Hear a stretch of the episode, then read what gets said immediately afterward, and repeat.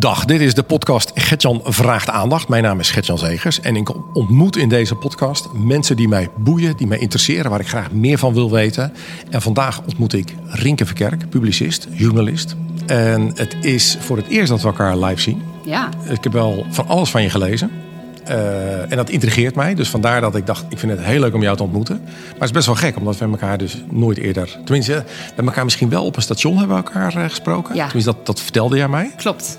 Toen heb je mij ooit een keer aangesproken. Ja, want uh, ik ken iemand die jij ook kent. Nee, we hebben elkaar twee keer ontmoet, Gert-Jan. Eén keer Oh, hebben wij elkaar ontmoet bij de Justice Conference in de wa wagenwerkplaats Ja, in in Amersfoort. Want toen uh, zijn wij, waren wij eigenlijk de enige van die hele Justice Conference die op Andrew White zijn afgestapt. Ja. Want die kwam daar spreken op de Justice Conference, daarom was ik er ook. Want Ja. ja, misschien hebben wij wel dezelfde reden dat we hem interessant vonden. Ik, Hij was de, de, de, de canon, hij was de voorganger van Bagdad. Ja, de, kerk- enige Irak. kerk, de, Ja. de Ik denk uh, Anglikaans. Anglikaanse kerk in Bagdad. Anglikaanse kerk in Bagdad. Daar was hij de voorganger van. Ja, maar een Brit, Britse Ja, priester, Precies. Ernstig ziek. MS. Ja, dus dat is een progressieve ziekte. Maar goed, nu wijden we alweer af.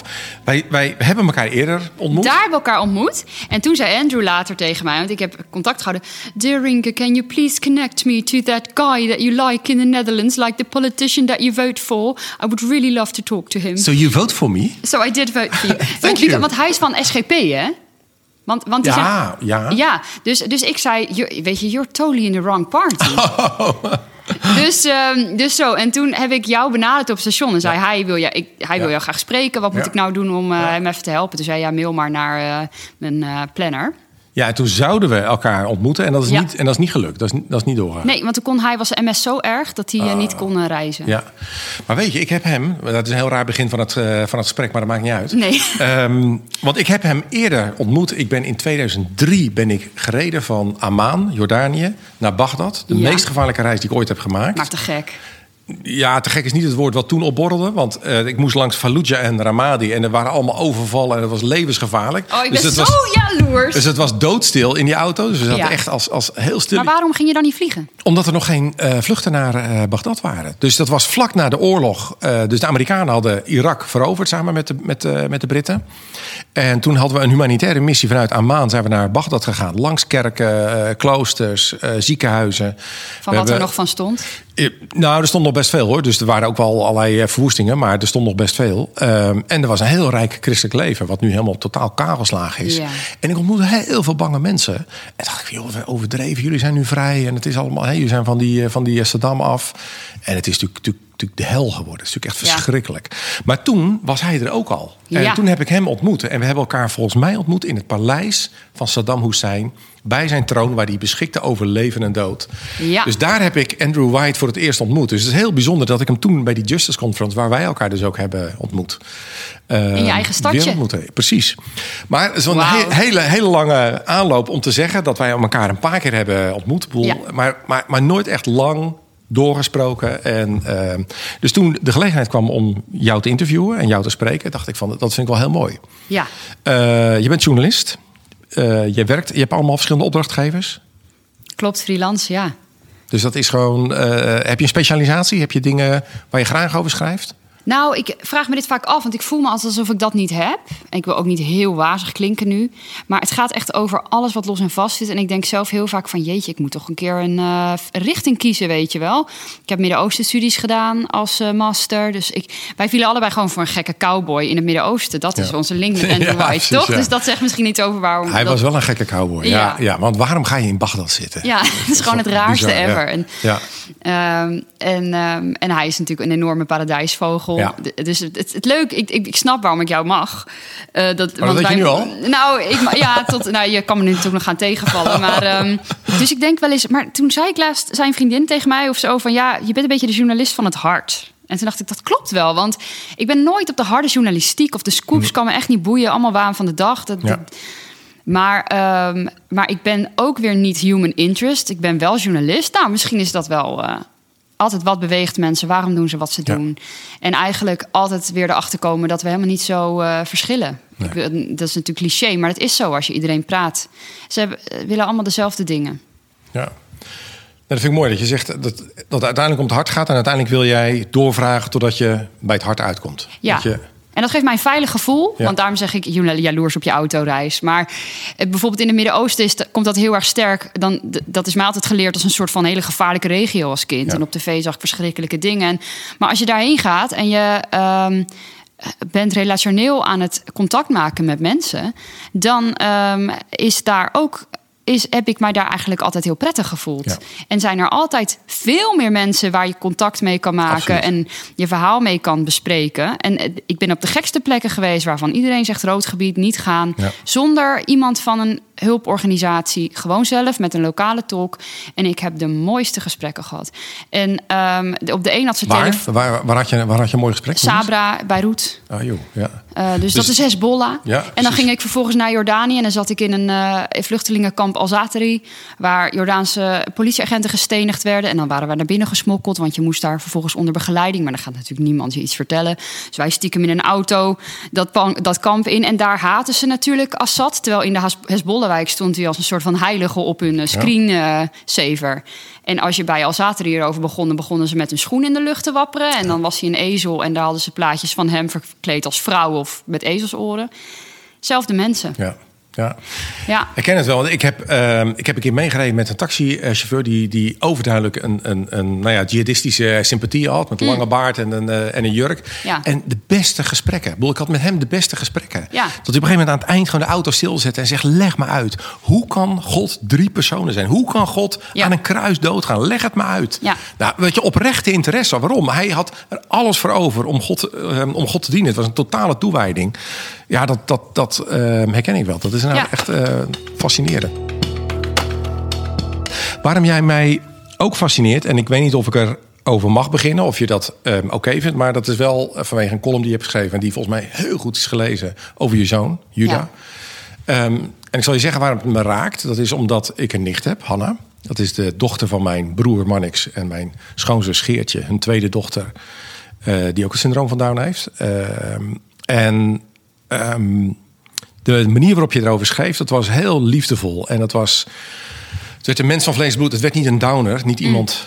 ik bedoel, Iemand is niet een downer. Nee, iemand is Juda of is Hanna. En, en het is je zoon. En Ja. nou ja, je vertelde net in een voorgesprek dat hij fase van de tafel flikkert. En dat hij weet ik wel wat allemaal doet. Eh, het, het is gewoon een kerel met, met, met streek ook. Maar dat raakte me heel erg. En wat me daaraan raakt is dat toen eh, de arts, de huisarts van mijn broer en schoonzus binnenkwam... voor de eerste keer bij, toen Hanna was geboren... Ja. het eerste wat hij zei tegen mijn broer en schoonzus was... jullie hebben pech gehad. In die tijd ging het, zei hij... ehm, volgende keer doen we een vruchtwaterpunctie. Dan weten we zeker of het eh, goed is of niet. En eigenlijk wat hij, zei, eigenlijk wat hij zei was... Hanna had er gewoon niet moeten zijn. Het is een foutje. Dat heeft me zo diep geraakt. En hoe mijn schoonzus... jou? eh, Ja, ik net Ja, vragen. die, die, die, toen ze daarna naar die huisarts gingen, toen nam ze altijd Hanna mee. En dan zette Hanna als baby paf bij hem zo op het bureau van... hier is Hanna. En wat jij er ook van zegt, maar zitten. eh, die gaat hier gewoon lekker zitten. In your face. En Ja. eh, Hanna bestaat en Hanna leeft en Hanna is fantastisch. En Nou, wat heel bijzonder is, is dat die neef van jou, Marnix, toen Juda geboren broer, werd. broer. eh, sorry, jouw broer Marnix, eh, toen Juda geboren werd, had hij mijn column ook gelezen. En hij heeft mij toen gemaild en zei van... eh, Hallo Rienke, ja, wij kennen elkaar niet, maar ik ben Marnix Segers en ik heb een dochter met Down, die heet Hanna. En ze, ik wou alleen maar even weten, laten weten. Hanna spreekt vijf talen, rijdt paard, heeft in vijf landen gewoond, gaat supergoed met haar. Dus wordt echt hartstikke mooi. Gefeliciteerd, groetjes Marnix. En dat is een van de reacties die ik heb Ja. onthouden, want het was echt een stortvloed aan reacties. Maar die was zo leuk ja, bijna brutaal eh, in, het, eh, in het gewoon je helemaal afzetten tegen Ja. hoe dat wordt geframed Ja. down. Een soort rebelse mail, zonder dat daar eh, heel vrolijk en een heel contrast met alle reacties van mensen die zeiden ja, Bezorgd, het zal toch ook wel heftig zijn. Ja. Dapper dat je er zo mee kan omgaan. Wat ook weer als een soort belediging van Juda voelt. ja. Ja. Ja. Ja, oh, wat gaaf joh. Wat mooi eh, dat hij dat, die dat. Ja, ik heb een hele, ik heb echt een fantastische broer. Dus dat is, eh, ik kan me helemaal voorstellen dat hij zo'n mail eh, schrijft. Nee, ze heeft, ja, zij spreekt, eh, zij spreekt inderdaad allerlei talen. Ze heeft in Ghana gewoond, in Indonesië. ehm, heeft ze meer gewoond? Abu Dhabi heeft ze gewoond. Dus ehm, Ja. inderdaad heel internationaal. Ehm, ja, ze is echt de leukste in onze eh, familie-appgroep. Het is echt, Ja. Er komen echt hele plomp verloren me- mededelingen komen er binnen over het nieuws. over. Op een gegeven moment was ze ook helemaal weg van Emiel Roemer. Die was echt, eh, toen moest ik, daar stemden ze op. Ze stemden op Emiel Roemer. Dan moest ik naar Emiel Roemer hier om een foto van hem met een handtekening erop. En die heb ik dus aan haar eh, overhandigd.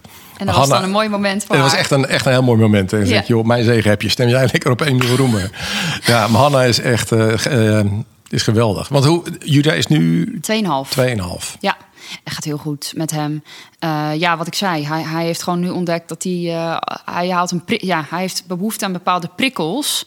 En één daarvan is het geluid van iets wat op de grond valt. En als het dan kapot gaat, is het gewoon ja, al helemaal af. Oh. dus dan zegt hij kapotje. En dan kijkt hij mij een soort van trots aan. En het erg is dat bij mij nog ook gebeurt van... Hij gooit mijn laptop van de tafel en een vaas. En dan, dan dan is dat natuurlijk verschrikkelijk irritant. Maar eigenlijk denk ik ook ergens... wow, je bent gewoon op de tafel geklommen je zegt gewoon kapot. En dan ben ik eigenlijk trots, weet je wel. Wat ik dan natuurlijk niet laat merken. Ja, ja. ja, dus ik hou er ook wel weer van. Beïnvloedt dat ook jouw denken over medische ethiek en discussie over uh, nou ja, de NIPT hebben bijvoorbeeld? Hè? Dat is ook een hele politieke discussie. Tenminste, bij, mij zit er altijd in mijn achterhoofd Hanna dan. Ja. Ehm, kijk jij ook anders naar, naar die discussie? Is het emotioneler geworden? Mm, ik moet, ja, goede vraag. Kijk, ik heb ook vrienden die de NIP doen. Ehm, niet omdat zij ehm, daarmee uh, hun keuze zouden laten beïnvloeden. Maar omdat zij graag voorbereid zijn op uh, eventueel uh, iets. Wat ik er lastig aan vind. En ik weet eigenlijk niet. Kijk, ik weet niet of Juda mij gevoeliger maakt over dit onderwerp. of moeder worden überhaupt. Want ik merk gewoon dat. Wat is jullie ehm, oudste? Juda is mijn oudste, dus was mijn eerste kind. En wij wisten niet uh, dat hij down had toen hij geboren werd. Had, bleek hij down te hebben. Daar waren we binnen een uur uh, wel achter.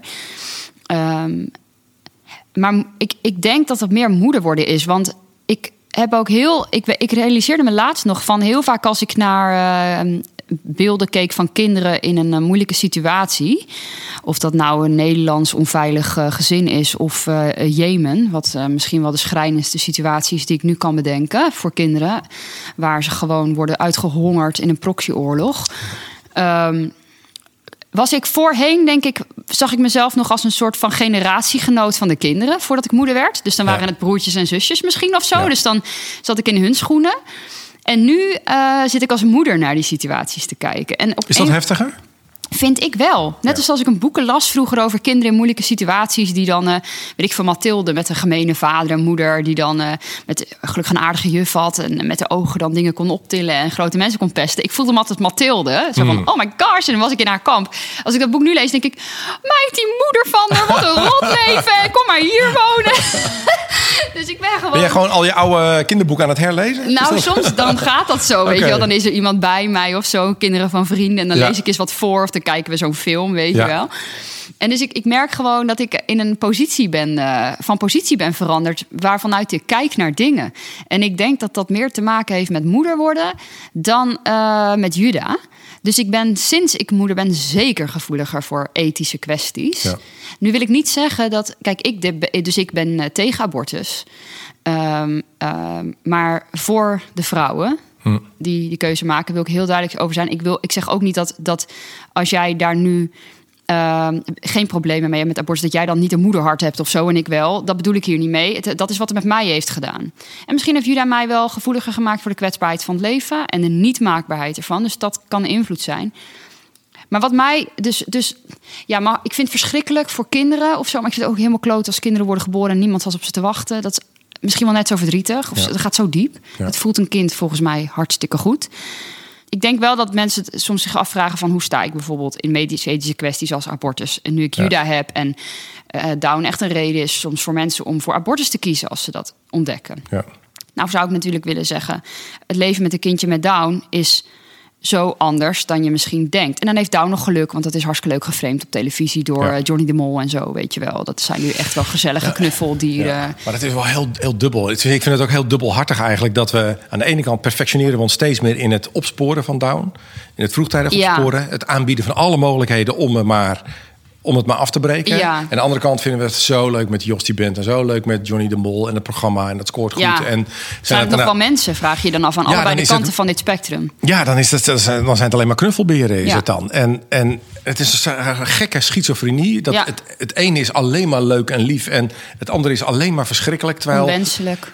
Ja, het leven is gemengd. Ik bedoel, Ja. ja, ja je zoon gooit ook fase kapot. Ja, het is Eh, gewoon een mens. Net ja, als precies. mijn dochter die eh, een enorm grote waffel gaat krijgen later. Daar zijn we nu als zij Oh, op haar ja. vingers eh, getikt wordt met eh, van niet doen. Dan schreeuwt Ja. ze in je gezicht en dan slaat ze je. Nou, ze is het kind is anderhalf. Ja. Dus de- ja, die hebben allebei Temperament. hun Ja. dingen. Ja. Maar wat ik wilde zeggen over medisch ethisch is, ik, ik herken wel wat jij zegt over van dat het bijna dezelfde, de verschillende kant van dezelfde munt is in een soort van vercommercialiseren op televisie versus, dus, dus dan zijn ze onze entertainment Ja. versus een eh, ongewenst iets wat je misschien kan elimineren als je er op tijd bij bent. Ja. Daar zit weinig ruimte voor de soort van voor de, voor de, voor de, voor de dagelijksheid eraan, misschien. Ja. Aan mens zijn. Maar ook ehm, vind ik abortus gewoon iets verdrietigs naar ehm, de moeders. Die bijvoorbeeld denken: mijn kind heeft down of een bepaalde ongewone afwijking. Ik eh, denk niet dat ik dit aan kan. Ik eh, maak hier een einde aan, want misschien heb ik dit kind het niet te bieden wat het nodig heeft. Of eh, heb ik mijn andere kinderen dan niet meer te bieden wat zij misschien van mij nodig hebben. Dat, dat je denkt van dat het leven zo maakbaar is dat je iets onverwachts kan. De missie van iets onverwachts kan aborteren, letterlijk. Abort the mission, right? Maar, maar dat, dat kan natuurlijk met een zwangerschap. Maar er zijn heel veel dingen in het leven die ook kunnen gaan gebeuren die je niet kan beëindigen. Die gewoon zou moeten ondergaan. Je kan een ziekte krijgen Ja. of een kind verliezen of in een scheiding. eh, nou, daar ben je ook nog wel een beetje zelf bij, maar soms ook echt wel heel weinig zelf bij. En, en als je jezelf dan nu vertelt met zo'n zwangerschap beëindigen, want ik kan dit niet aan of ik, heb, ik kan dit niet aan, niet trekken. Dan sta je 10-0 achter in de volgende situatie Ja. die jou onverwacht in je bek slaat. Want het leven gaat het doen. Ik, ik ben daar woedend over. Ik heb daar ongelofelijke hekel aan dat dat zo is, maar het is wel zo. En ik ben niet woedend over Juda, want ik ervaar hem niet als tegenslag, maar echt diep lijden. Ik heb laatst nog een, een kindje van vier overleden aan kanker. Ja, ik ben daar zo niet oké mee. Nee. Maar als je je, ja, ik ben er echt niet oké mee. Maar als je jezelf vertelt met zo'n abortus van ik kan het niet aan en ik ga dit uit de weg Ja. Dan, dan, dan de volgende keer dat je iets aan moet kunnen, heb je je al zo op zo'n diepe manier de keuze gemaakt dat je het niet kan. Dat ik niet denk dat het je gaat helpen in de rest van je leven. En, Ik vind het wel ja, mooi hoe je ergens ook wel daar genadevol over spreekt. Want ik, want ik ben ook tegen abortus. Ik vind het altijd verlies. Het is echt gewoon verlies van een mensenleven. En, eh, maar ik probeer er ook heel genadevol ook te spreken, ook over de keuze. En, en soms ook de wanhoop die erachter zit. Of, of, of misschien Ja. dat het wordt opgedrongen. Alleen wat mij, wat mij kwaad maakt, is meer die huisarts. Ja. Die zegt, eh volgende, pech gehad, volgende keer vruchtwaterpunctie. Ja. Wat mij kwaad maakt is, we moeten die niptest alles en iedereen aanbieden. We Ja. moeten nog vroeger een, een, een, een scan hebben of een, eh, hoe heet zo'n ding? Een, een, een eh, Echo? Echo, hè. En dat alles wordt gewoon gedrongen eigenlijk richting de keuze. Alles wat afwijkt, alles wat je niet bevalt, doe het weg. En, en eigenlijk staat dat voor iets veel groters. Namelijk het leven sucks sometimes. Het is Ja. gewoon heftig. Het is gewoon ingewikkeld. Het is gebroken. Ehm, ehm, en we kunnen meer aan dan je denkt. Dat is één. Ehm, en twee, je hebt ook niet het recht om dat allemaal weg te duwen. Het, het heeft waarde in zichzelf ook. Die ander Ja. heeft ook waarde. Dus dat is meer wat me, wat me kwaad maakt. En ik, ik wil tegelijkertijd wil ik eh, wel barmhartig over mensen spreken die in wanhoop soms een keuze maken waar ik het niet mee eens ben. Nee, en, als je, en zo'n keuze, weet je, daar kan je ook mee dealen nog, weet je wel. Als je hem al gemaakt hebt, dan is er ook nog een weg om, om daar weer dat allemaal weer een plek in je leven te geven Ja. of zo. Dus, ehm, maar, maar ik, ja, wat jij zegt, herken ik wel. En ik denk dat dat ook wel het grotere thema is. Dat, is met, dat met de maakbaarheid in de kleine dingen proberen te vinden, je eigenlijk ook heel veel moois wegmaakt. Ja. Eh, wat ook niet terug te halen is dan of zo. Dat, Nou, vaak, vaak dat we het meeste leren van moeilijke situaties Ja. ook. Dat, dat ook als je terugblikt. En ik, ja, oké, iets wat heel erg lastig en ingewikkeld was, dat je het ook niet had willen missen. En dat het je gevormd heeft tot wie je bent. En dat je Ja. inderdaad meer leert van tegenslag dan als alles voor de wind gaat. ja, ja. Dat over Juda? en over jou? Ja, eh, ja, ja. hierover? Ja. tenzij je nog iets wil zeggen? Nee, maar ik vond het mooi om het even. Ik vond het mooi dat. Ik vind het mooi om dit ook wel zo. ehm, het wordt zo, nou ja, het wordt zo gepolariseerd. Hè? Dit, dit debat ook. Alle Ja. debatten vind ik momenteel pijnlijk gepolariseerd worden. Dat is een mooi bruggetje. Ja, ja we gingen het over polarisatie we het over polarisatie Nou, ja, daar Wil, jij vroeg natuurlijk van... Uh, hè, wat, wat zou je nou echt willen veranderen aan Nederland? Ja. En um, ik had het ook nog met een collega van jou erover... en die vroeg bijvoorbeeld van... joh, weet je, hoe vind je dat het geregeld is met de zorg voor Juda bijvoorbeeld? Weet je wel, voel je je genoeg gesteund door de overheid? Nou, echt als één kind in deze samenleving alles krijgt wat hij nodig heeft van onze overheid, is het Juda. Het is echt ongelooflijk, mag ik het even zeggen. Hij zit op een peuterdagcentrum voor kinderen met een meervoudige beperking. Met z'n zeven in een klasje, twee juffen en een stagiair. En dan heb ik het nog niet eens over de muziek, ergo en fysiotherapeut ja. die langskomt. Als ik wil, kan hij er met een busje heen worden gebracht. Hij krijgt de lunch ja. in de pauze af. Ja. ik ben, maar, sorry. ja, sorry, over polarisatie. Uh, nou, daar, mag, dat mag, één ding, mag, nog één ding oh, daarvoor even over deze, deze beschrijving? Want mijn vrouw die werkt in speciaal onderwijs. Ja. En die vertelt dan hoeveel mensen daar werken, voor hoeveel kinderen. Ja. Uh, en dan denk ik af en toe, dit is echt beschaving. Dit is ja. echt, echt mooi. Dat je denkt van mensen die naar economische maatstaven nauwelijks productief zijn. Um, maar dat we daar zoveel in steken en zoveel zorg aan besteden. Ja. Ik ben iedere keer een beetje trots op, op ons land. Ja. Dan denk je, maar dit is zo'n waardering van uh, de waarde die mensen in zichzelf hebben, los van wat je presteert en los van ja. wat je doet of wat je nou ja, verdient. Of, ja. Uh, ja, echt machtig mooi. Heel gaaf, ja. En ik weet ook als je kind soms een minder zichtbare down is, stuk zie je meteen. Soms is het lastig als je kind dat niet heeft, maar. Maar ik, ik kan echt alleen maar zeggen, lang leven de staat. Ja, de staat. ja. ja. Maar goed, jij maakt een bruggetje naar, naar polarisatie. polarisatie. Want ja, precies, dat was eigenlijk wat ik zei van... ja, ik vind Nederland best wel uh, goed gaan. Maar uh, we polariseren zo. En, en, Waar merk je dat? Ik merk dat aan dat uh, ik bijvoorbeeld uh, nu dan, omdat ik met jou in een heel gezellig kamertje in Den Haag zit te kletsen en denk, nou, jij zal het wel ergens begrijpen, durf ik te zeggen dat ik tegen abortus ben. Maar uh, ik werk in de media en er zijn ook heel veel contexten waarin ik dat echt niet ga zeggen. Nee. Omdat ik gewoon weet dat de kans heel klein is dat daar met een interesse op wordt ja. doorgevraagd wat ja. mijn hart daarachter is. Ja. En dat dat niet veroordelend is naar mensen. Niet uit is op uh, weet ik veel wat voor onaardigs. Er wordt, ik, heb bij, ik heb in redactievergaderingen gezeten waarin het even langs kwam dat ik christen ben toevallig. En ik gewoon volslagen belachelijk werd gemaakt. Um, ik kon daar vervolgens wel weer een heel leuk opiniestuk over kwijt in de Volkskrant. Waar ja. ik natuurlijk alle ruimte had om heel even gewoon mijn punt te maken. Ja. En de redacteur had hier gelukkig wel gewoon vanuit interesse aan mij vroeg: wat bedoel je precies?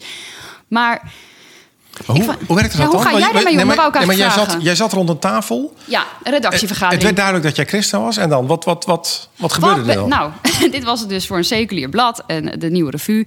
En uh, ja, wat ben jij christen? Jij bent toch slim? Jij bent toch naar de universiteit geweest? Die Jezus van jou heeft nooit bestaan. Maar wij vinden jou leuk. Kwam ook heel verbaasd uit iemands ja, mond. Hoe kan het nou dat een leuk iemand... Alsof ik een eenhoorn was. ja. ja. En uh, dat je denkt, onder welke steen heb jij eigenlijk gelegen? Maar goed, dat kan ik ja. op dat moment helemaal niet bedenken, want ik was natuurlijk perplex. En toen waggelde ik naar huis. En toen dacht ik, ik ben echt een van de tienduizenden, honderdduizenden normale mensen die christen zijn. Ja. En jij ligt echt onder een steen. Ja. Maar dat duurde maar, heel lang voordat ik dat. Uh... Maar is dat dan, voel je je dan uh, uh, als een klein iemand behandeld? Boel, voel je je vernederd? Of wat, wat, wat, wat doet het met je? Nou, wat er even gebeurt, is dat doordat iemand zo hard erin komt fietsen met iets ongenuanceerds, ja. ik mijn hele verhaal even kwijtraak. Ja. Zo uit balans wordt gebracht. Dat ik even helemaal niet meer weet dat ik van voor nog weet dat ik achterleef. Gewoon even niet meer kan nadenken. En zo overvallen wordt door. Dat ik in een hoek word gezet door iemand met, ja. met een soort van heel dicht getimmerd uh, frame. En dat ik daar sta en ik, ik pas hier niet, maar waar ik ook alweer wel stond. En waarom? Ik heb echt een flauw idee. Ik moet er gewoon bij komen. En dan, ja. daarna een beetje nadenken en dan mezelf verhouden tot hoe ik was weggezet. Dat vind ik gevaarlijk aan polarisatie. En, en nu ook weer de afgelopen weken met uh, Arie Slop. Waar ja. wordt gevraagd, mag een school grondwettelijk een homo-onvriendelijke intentieverklaring tekenen. Los van wat meneer Slop daar natuurlijk zelf van vond en hoe scheid het is als jij homo bent en op zo'n school zit. Waar, hè? Nee, hij zei alleen maar dat het op basis van de grondwet mag. Ja. Nou, en toen brak de, de pleuris uit. De pleuris sprak uit en hij was, weet ja. ik het wat allemaal voor verschrikkelijks. Ja. Nou, ik weet niet hoe meneer Slop daarmee omgaat, maar ik zou daar flink van van de leg zijn. En, en de hele uitdaging om gewoon nog een eerlijk gesprek te voeren, wordt daarmee enorm groot. En de kans dat. En, en, en ik vraag me af. Ja, ik vraag me af hoe jij daarmee omgaat. Dat was eigenlijk iets waar ik heel benieuwd naar was. En ook hoe je denkt dat de rol van de politiek daarin wel of niet relevant kan zijn. Dank voor het luisteren tot zover. Dit is het eerste deel van het gesprek met Rinke Verkerk. Uh, wij gaan doorpraten en wij praten dan over polarisatie. Maatschappelijke polarisatie, persoonlijke botsingen. En hoe ga je daar in vredesnaam mee om?